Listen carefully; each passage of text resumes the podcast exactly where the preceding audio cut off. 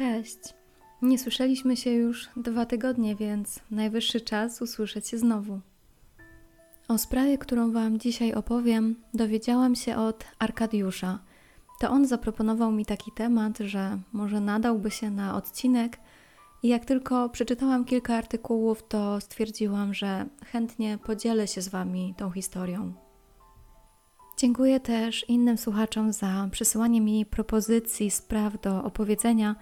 Jednak jest ich tak dużo, że trochę nie wyrabiam, żeby zapoznać się ze wszystkimi materiałami.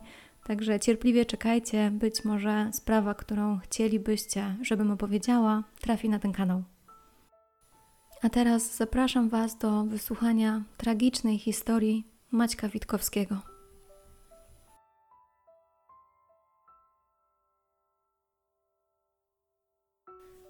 Przenieśmy się do Złotoryi, do małego miasta leżącego na Dolnym Śląsku.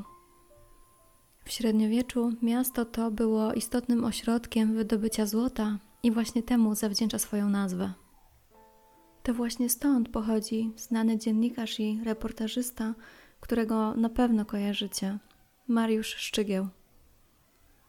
I to również tutaj, w 2007 roku, mieszka Maciek Witkowski.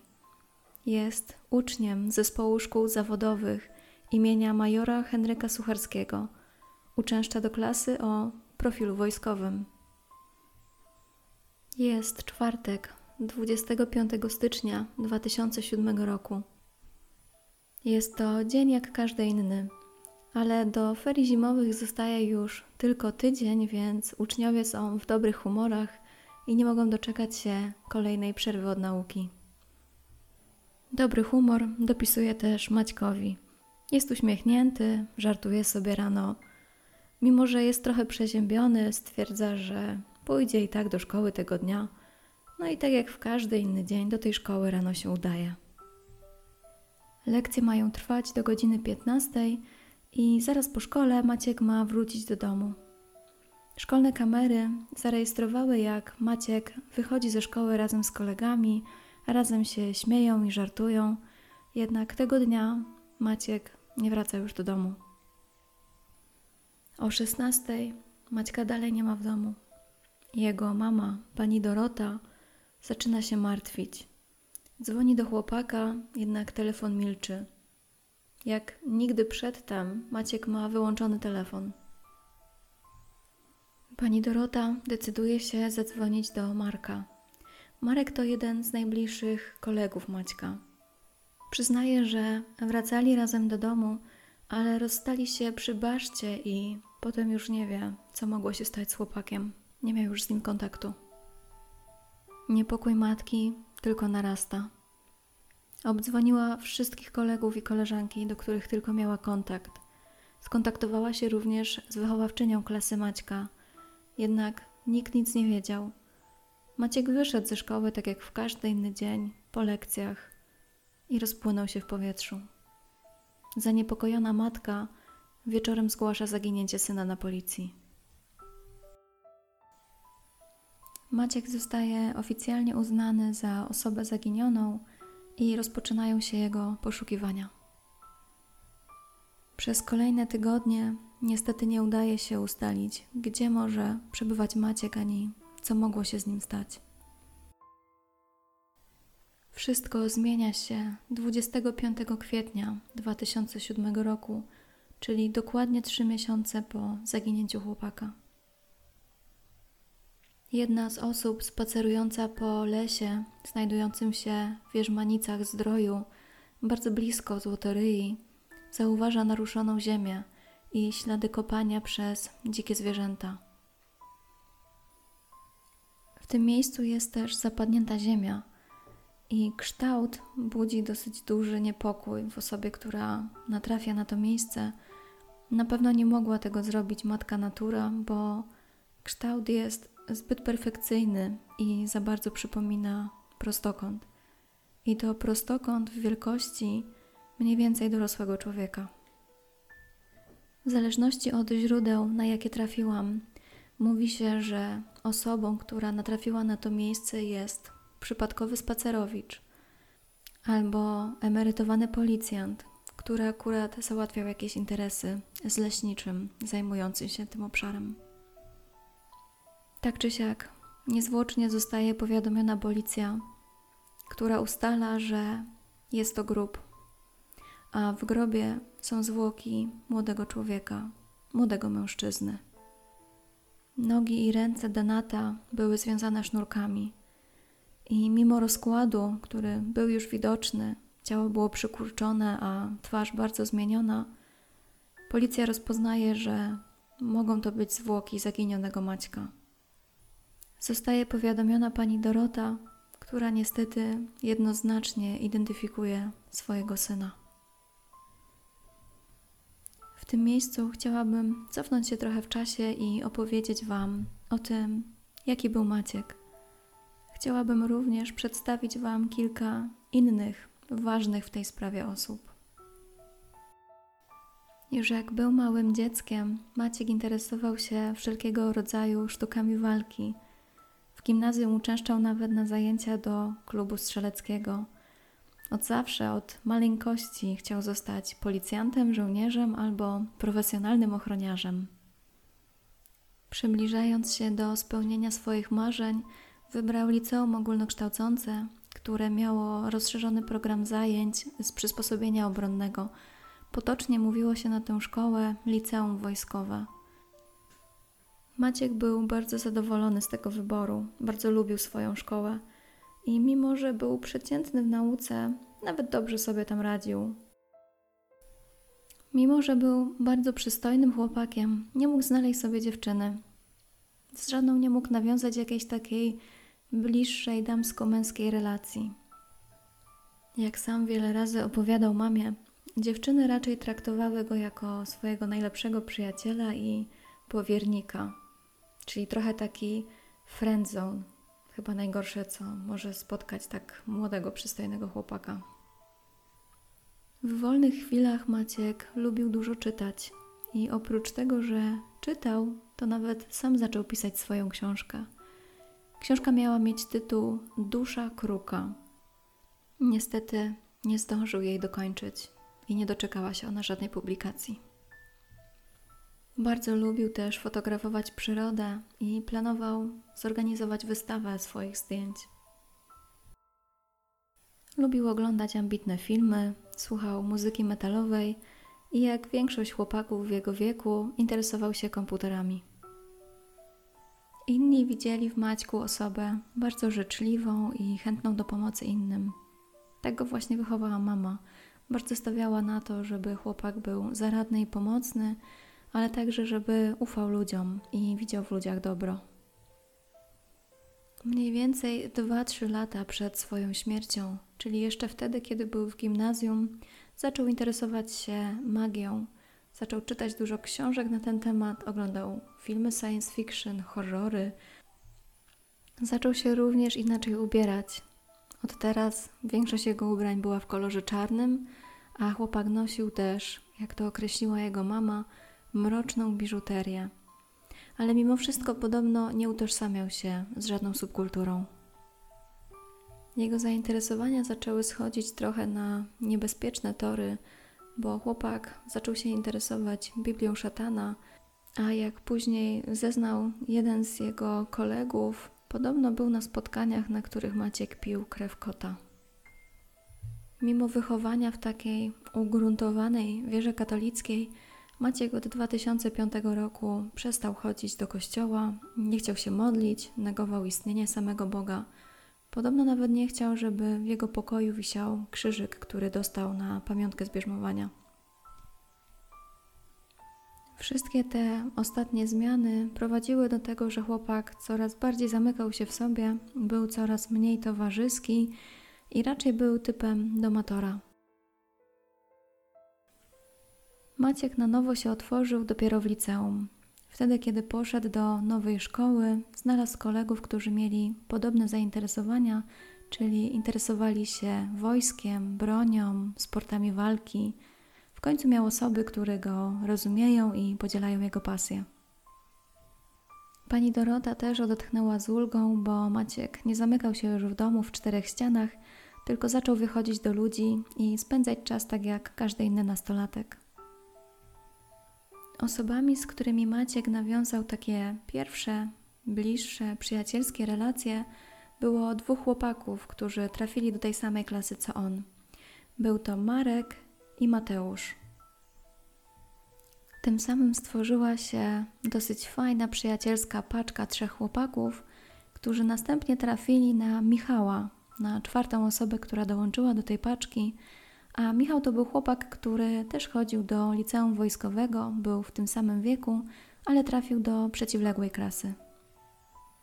Wszyscy czterej pochodzili z normalnych, niepatologicznych rodzin, nie wykazywali agresji, po prostu interesowali się takimi męskimi sprawami jak wojsko, broń, sporty walki.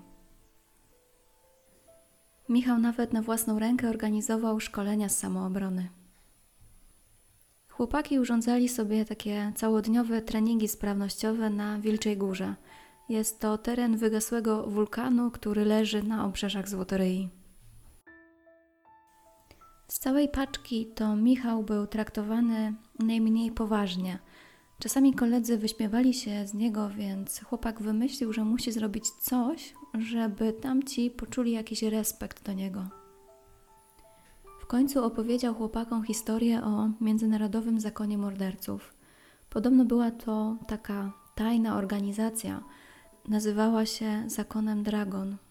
I właśnie w tych tajnych szeregach tego zakonu Michałowi udało się dojść do najwyższego stopnia, tak zwanego wojownika cienia. To wzbudziło zainteresowanie kolegów. Nie wiem, czy od razu uwierzyli w tę historię, no ale mieli po 17 lat, więc być może jeszcze żyli w takim świecie, że wszystko jest możliwe.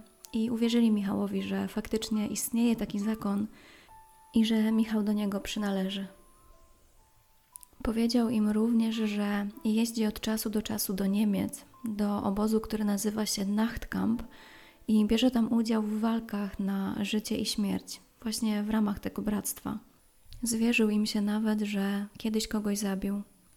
Podobno właśnie to zapewniło mu zdobycie jakiejś ścieżki kariery i pójście kolejnymi stopniami w tej hierarchii w ramach zakonu.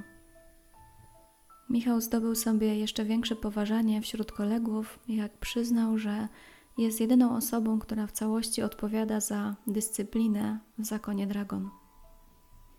Chłopaki oczywiście chcieli dołączyć do tego zakonu i Michał wymyślił historię, że zakon zgodził się na to, ale to Michał miał być dowódcą tej grupy czteroosobowej, czyli tych kolegów tej paczki, i to on był jedynym łącznikiem pomiędzy nimi a bractwem.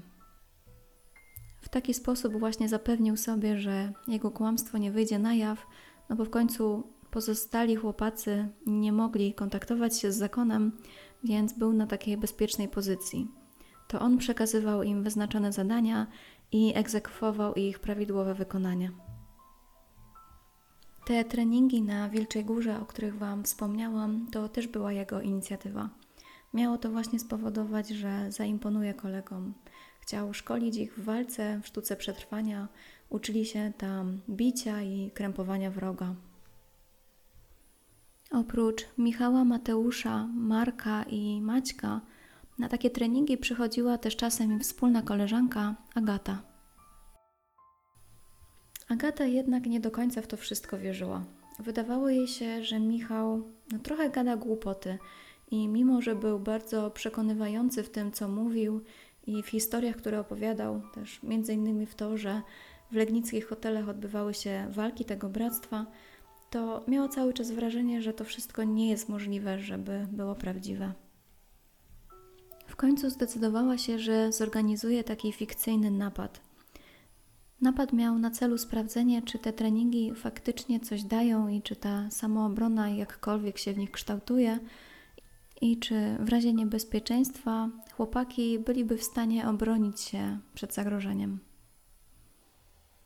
Napadnięci mieli zostać Marek i Maciek. Cała ta sytuacja wzburzyła trochę chłopaków, ale Agata do wszystkiego się przyznała i podobno nikt nie miał do niej o to pretensji. To jednak wzbudziło dosyć dużą złość w Michale, który poczuł, że Agata podważyła jego kompetencje.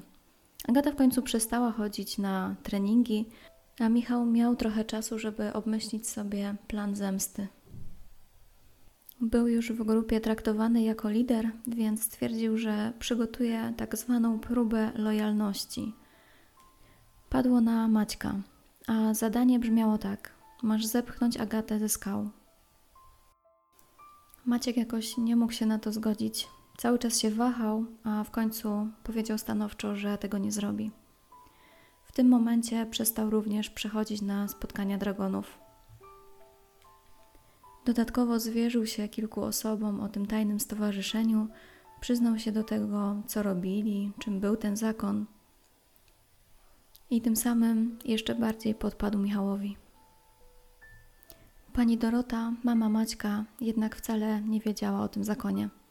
Wiedziała, że chłopaki się spotykają, że ćwiczą siłowo, natomiast cała koncepcja tego, co kryło się za tymi treningami zręcznościowymi, była poza nią. Mama pamięta też ten dzień, kiedy był ostatni trening Maćka w tej grupie czteroosobowej. Pamięta, że wrócił wtedy do domu z nożem i powiedział, że nóż dostał od Marka. Obydwoje byli wtedy pobudzeni, coś między sobą szeptali, ale jak mama zapytała o co chodzi i czy coś się stało, nic nie chcieli jej powiedzieć.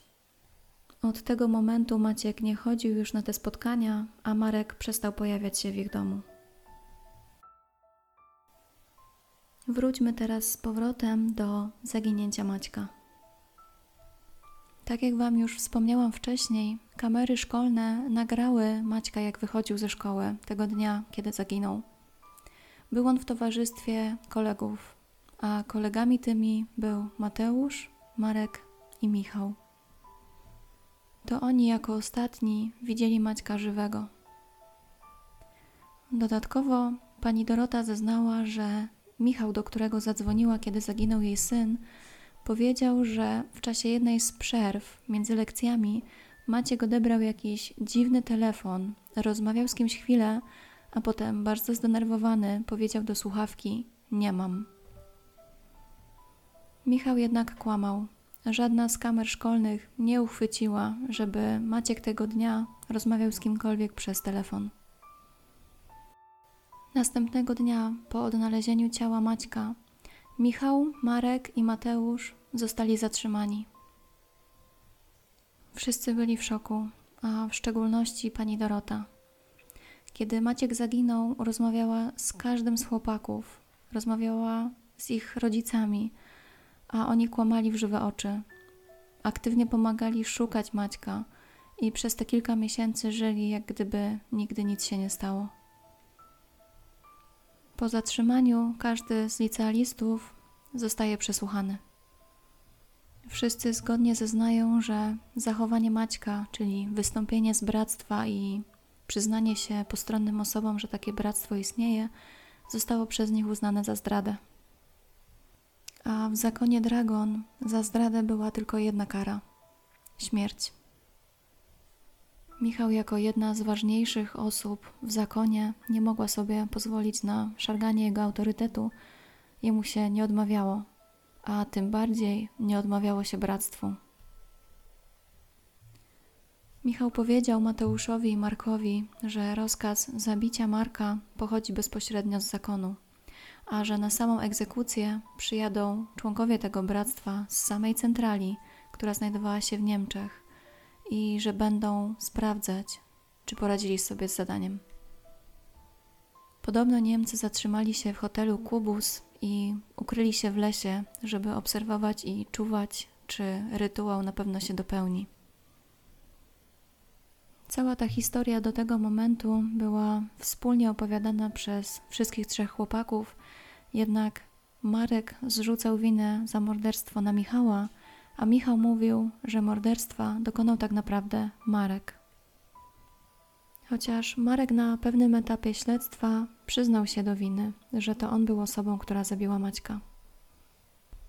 W maju 2007 roku, czyli w miesiąc po zatrzymaniu chłopaków, odbyła się wizja lokalna, w której Michał pokazywał, co wydarzyło się feralnego dnia.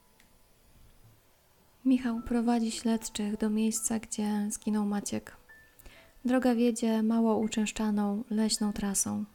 Wtedy w zimie pewnie było tam ślisko i wspięcie się na górkę wymagało dosyć dużych umiejętności, jednak liczne treningi na pewno ułatwiły to chłopakom. Michał zeznaje, że kiedy przyszli razem z Maćkiem i Markiem na to miejsce, Mateusz kończył właśnie odśnieżać dół, w którym stał popas, który był przysypany śniegiem.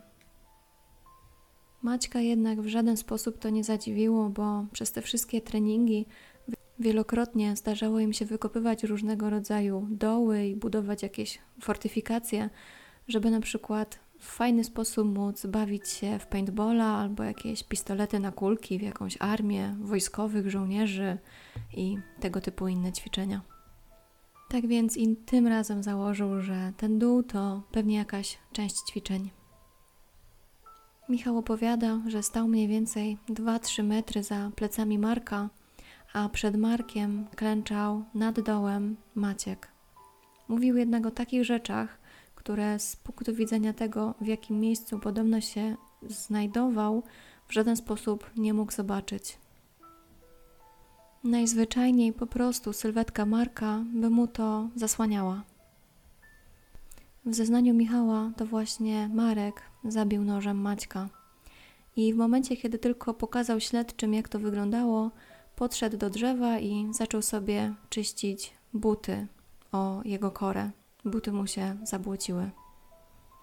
Michał powiedział, że zaraz po zabiciu Maćka Marek wypowiedział następujące słowa: Bęk i po brudzie.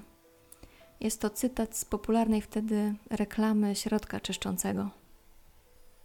Michał wyjaśnił dalej, że to była taka niby śmieszna metafora w odniesieniu do Maćka, który ubierał się na czarno jak metalowiec, a potocznie takie osoby społeczeństwo lubi nazywać brudami albo brudasami. Dokładnie taką samą wersję wydarzeń przedstawił Marek, jednak tutaj role były odwrócone. To Michał zabijał Maćka, a Marek stał biernie z tyłu. Śledczy skorzystali z pomocy biegłych psychiatrów, żeby zweryfikować psychikę każdego z zatrzymanych chłopaków. Marek został określony przez nich jako osoba spokojna, która nie wyróżnia się na tle innych, ale podatna na wpływy. Nazwali ten typ osobowości jako biernozależny. Mateusz został określony jako osoba racjonalna, ale unikająca odpowiedzialności i chętnie wykonująca rozkazy. Mateusz potwierdził, że to właśnie Michał był pomysłodawcą i wykonawcą tego planu zabójstwa Maćka. Tym samym niejako oczyścił Marka z winy samego aktu dokonania zabójstwa. Mateusz mówił też dalej, że niejednokrotnie po całej tej akcji miał koszmary, a rano wymiotował. Kiedy podzielił się tymi wewnętrznymi rozterkami z Michałem, ten go tylko wyśmiał i powiedział, że on to już zabił tyle osób i ani raz jeszcze nie zdarzyło mu się wymiotować. Mówił o nim, że jest bardzo słaby psychicznie. Przyznał, że żałuje, że tak się stało i że w pełni zasługuje na karę, że wszyscy zasługują na karę.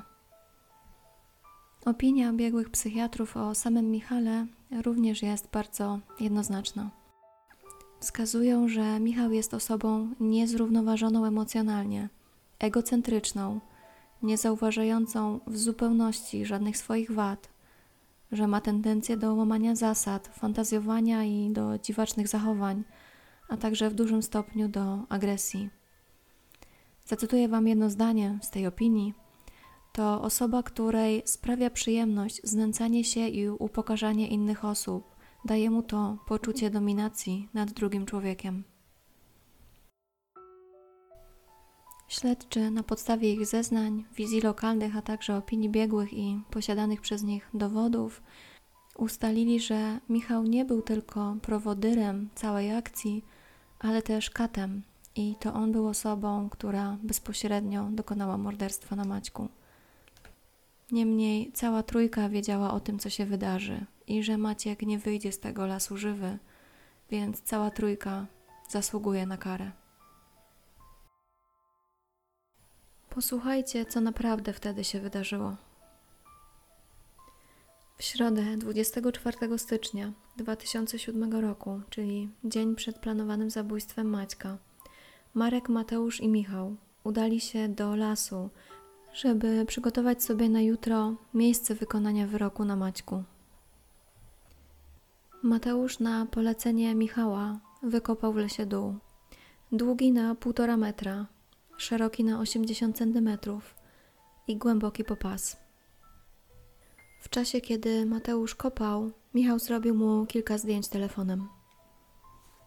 Następnego dnia, w okolicach południa, Mateusz ponownie przyszedł na to samo miejsce, żeby odgarnąć z niego śnieg.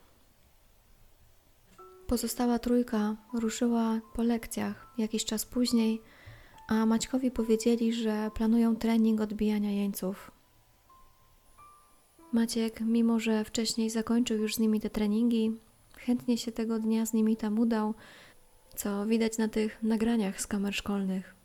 Wszyscy razem się cieszą i śmieją. Kiedy dotarli na miejsce, spotkali się z Mateuszem, a Michał dał Maćkowi bułkę do zjedzenia. Kiedy ten ugryzł kawałek, Michał stwierdził, że to jego ostatni posiłek. Maciek się roześmiał, myślał, że Michał gada jakieś głupoty i znowu się wygłupiają, ale ten wyrwał mu bułkę i wrzucił do dołu. Następnie zabrał mu jego rzeczy osobiste, a potem skrępował ręce i nogi sznurkiem. Maciek nie czuł się jeszcze zaniepokojony. Cały czas myślał, że to jest forma treningu. Już wcześniej zdarzało im się ćwiczyć takie agresywne zachowania, a tym razem przecież mieli ćwiczyć odbijanie jeńców, i rola jeńca przypadła akurat Maćkowi. Michał kazał uklęknąć Maćkowi nad dołem, a ten, wczuwając się w rolę, sam sobie założył kominiarkę tył naprzód, aby mieć zasłonięte oczy i poprosił kolegów, aby podłożyli mu pod kolana pokrowiec od saperki, żeby było mu wygodniej. Poza tym zależało mu na tym, żeby nie ubrudzić spodni, kiedy będzie klęczał na ziemi, bo mama by się na niego po prostu zdenerwowała.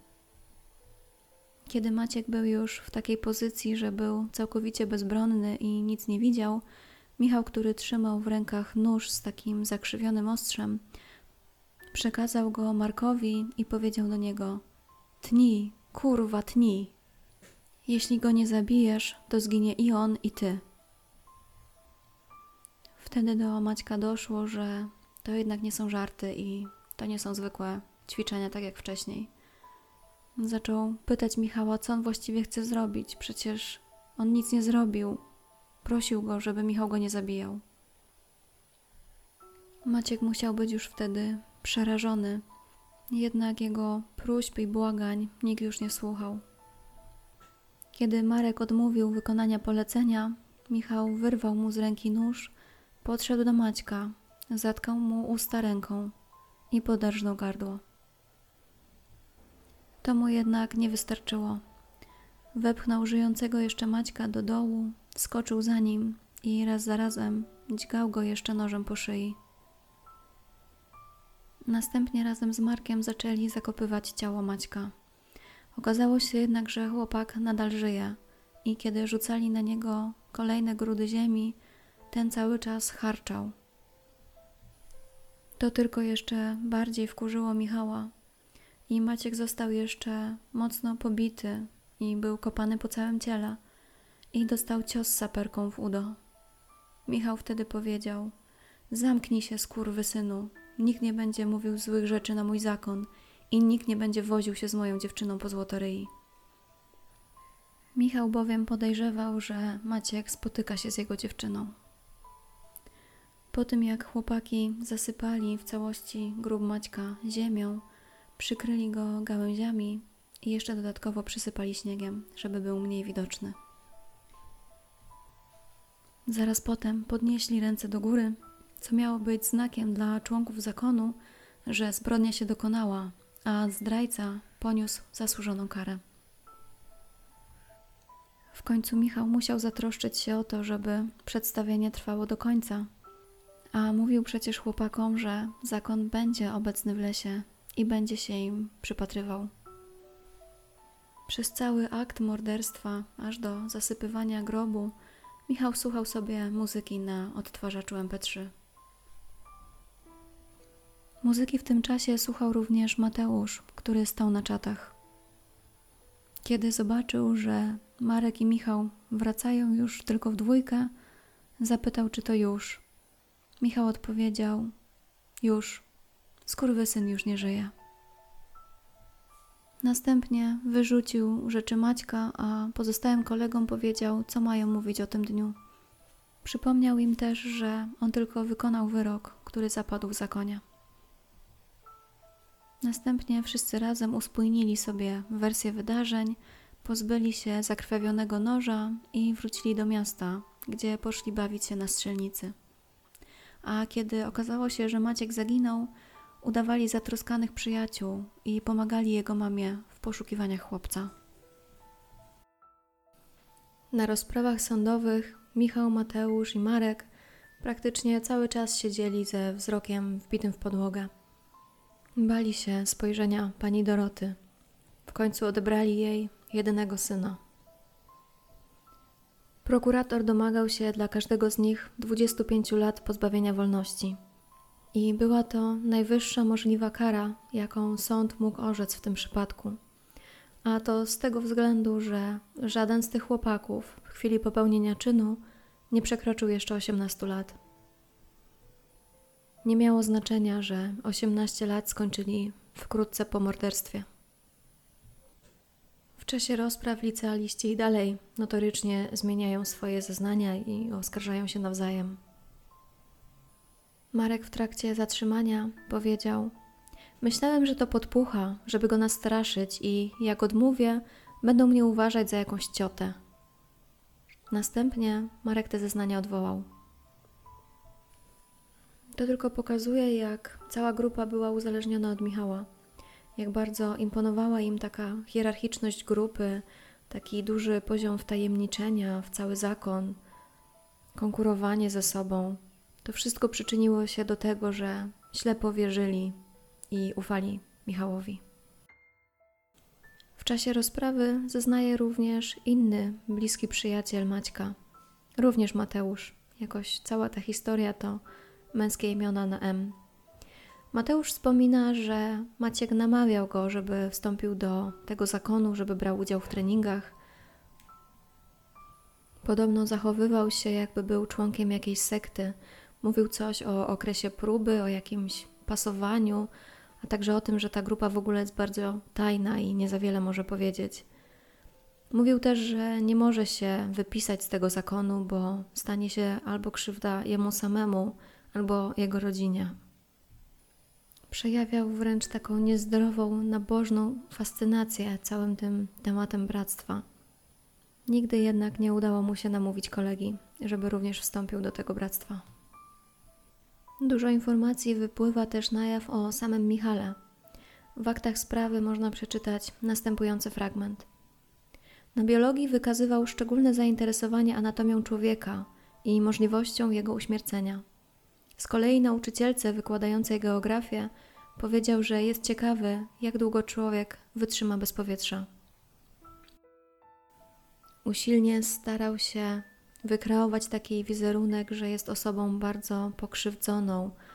Podobno po tym, jak zaginął Maciek, chciał przenieść się do innej szkoły, rozpowiadał ludziom, że dostaje różne SMSy z pogróżkami, a pod szkołą często czekają na niego groźni ludzie. Najprawdopodobniej była to jakaś forma, jakaś próba odsunięcia od siebie odpowiedzialności, podejrzeń, oskarżeń. Jego czyny jednak w zupełności zaprzeczały jego słowom. Kiedy przebywał jeszcze w areszcie śledczym, wysłał wiadomość w formie listu do swoich rodziców i do swojej dziewczyny. Napisał w nim, że posiada swojego lokaja, nowego współwięźnia, któremu nakazuje sprzątanie i wykonywanie innych czynności. To tylko potwierdza opinię biegłych, która mówiła o tym, że Michał odczuwa bardzo duże zadowolenie i poczucie władzy daje mu to, że upokarza drugiego człowieka. W końcu cała trójka zostaje skazana na 25 lat pozbawienia wolności. Dodatkowo, biorąc pod uwagę, że to Michał był prowodyrem i wykonawcą zabójstwa, dostał zaostrzony wyrok z możliwością ubiegania się o wyjście na wolność dopiero w momencie, kiedy odsiedzi 22 lata. Kiedy sędzia odczytywał wyrok, Michał rozpłakał się. Sędzia nie znalazł żadnych okoliczności łagodzących. Akurat w mojej opinii wydaje mi się, że jest to trochę na wyrost, bo z tego co wiemy, z tego co przenikło do prasy, to podrżnięcie gardła nie było bezpośrednią przyczyną śmierci Maćka, bo on cały czas jeszcze żył, kiedy to się stało. I był dodatkowo katowany, dźgany nożem i dopiero wtedy przysypany ziemią zmarł. Jak można się domyślić, obrońcy wnieśli apelację. W 2009 roku sąd apelacyjny utrzymał wyrok 25 lat pozbawienia wolności dla Michała, który to poderżnął gardło swojemu koledze, natomiast wyroki dwóch pozostałych chłopaków zostały przekazane do ponownego rozpatrzenia. Nie było bowiem do końca jasne, jaki był faktycznie udział i charakter udziału w morderstwie Marka i Mateusza. Marek bowiem odmówił ugodzenia nożem Maćka, a Mateusz stał na tak zwanej czujce, czyli na czatach. Nie było jednak wątpliwości, że obydwaj brali udział w zabójstwie. Trzeba było jednak ponownie ustalić, czy wyroki są sprawiedliwe. Jeszcze raz musiał zająć się tym sąd pierwszej instancji. Po ponownym rozpatrzeniu sprawy, Marek i Mateusz zostali uznani za współwinnych pomocnictwa w morderstwie. O ile się nie mylę, bo nie jestem pewna, czy dobrze zinterpretowałam informacje prasowe, ich wyroki w wysokości 25 lat pozbawienia wolności również zostały utrzymane. O warunkowe zwolnienie będą mogli starać się dopiero w 2029 roku. Michał wnosił jeszcze kasację do Sądu Najwyższego, jednak wniosek został w całości oddalony jako bezzasadny. Wyroki są już prawomocne. W 2010 roku reporterowi TVN udało się nakręcić materiał do uwagi właśnie w formie wywiadu z Michałem, który odbywał swoją karę w zakładzie karnym we Wrocławiu. Michał mówił w trakcie tego wywiadu, że nie czuje wyrzutów sumienia. Czuje jedynie żal i chciałby po prostu zapomnieć o tym, co się wtedy wydarzyło. Podczas swojego pobytu w więzieniu Michał został oskarżony o fizyczne i psychiczne znęcanie się nad współosadzonym. Podobno wielokrotnie bił go rękami i nogami po głowie i karku, wyzywał, wkładał jego głowę do sedesu, zmuszał do jedzenia śmieci i usiłował zmusić do stosunku oralnego. Kiedy reporter TVN zapytał go o tę sytuację, skomentował to następująco: To mnie śmieszy. Samą zbrodnię skomentował jeszcze tak, że myślał, że to się wszystko uda, że ciało nigdy nie zostanie odnalezione. I tak niestety kończy się ta tragiczna historia. Tragiczna historia bestialsko zamordowanego nastolatka, który zginął, bo zdradził zakon dragonów. Zakon, który nigdy nie istniał i był tworem wyobraźni jednego z jego przyjaciół. W miejscu zamordowania Maćka podobno stoi krzyż i leżą kwiaty. Jeśli macie możliwość wybrać się w to miejsce, podzielcie się proszę zdjęciem. Niestety nie udało mi się do niego dotrzeć. Bardzo Wam dziękuję za kolejny wysłuchany odcinek, za ciepłe słowa i konstruktywną krytykę i też za wszelkie propozycje odcinków, które kierujecie do mnie. Mam nadzieję, że uda mi się wszystkie zrealizować, ale tak jak mówiłam na początku, potrzebuję trochę czasu, żeby zorientować się w tych sprawach. Sama mam zresztą swoją listę spraw, o których chciałabym opowiedzieć, no i dzięki Waszym propozycjom ona się tylko wydłuża.